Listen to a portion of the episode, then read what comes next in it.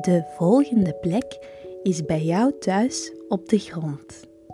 Heb je al eens met je vingers getekend?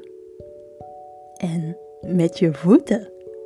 Dat klinkt wel heel grappig. Binnen of buiten, als het lekker weer is, mag je op een groot stuk papier met zowel je vingers als met je voeten gaan schilderen. Dat doe je terwijl je luistert naar de muziek die ik zo voor je ga afspelen.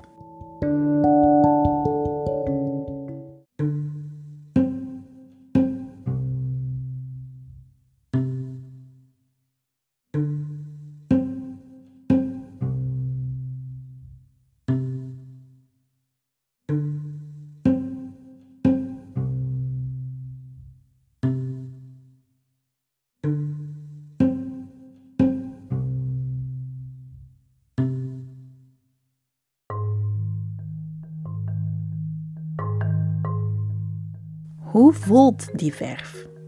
Is het koud of juist warm?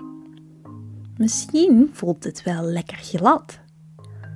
Beweeg met je vingers mee op de muziek die je hoort.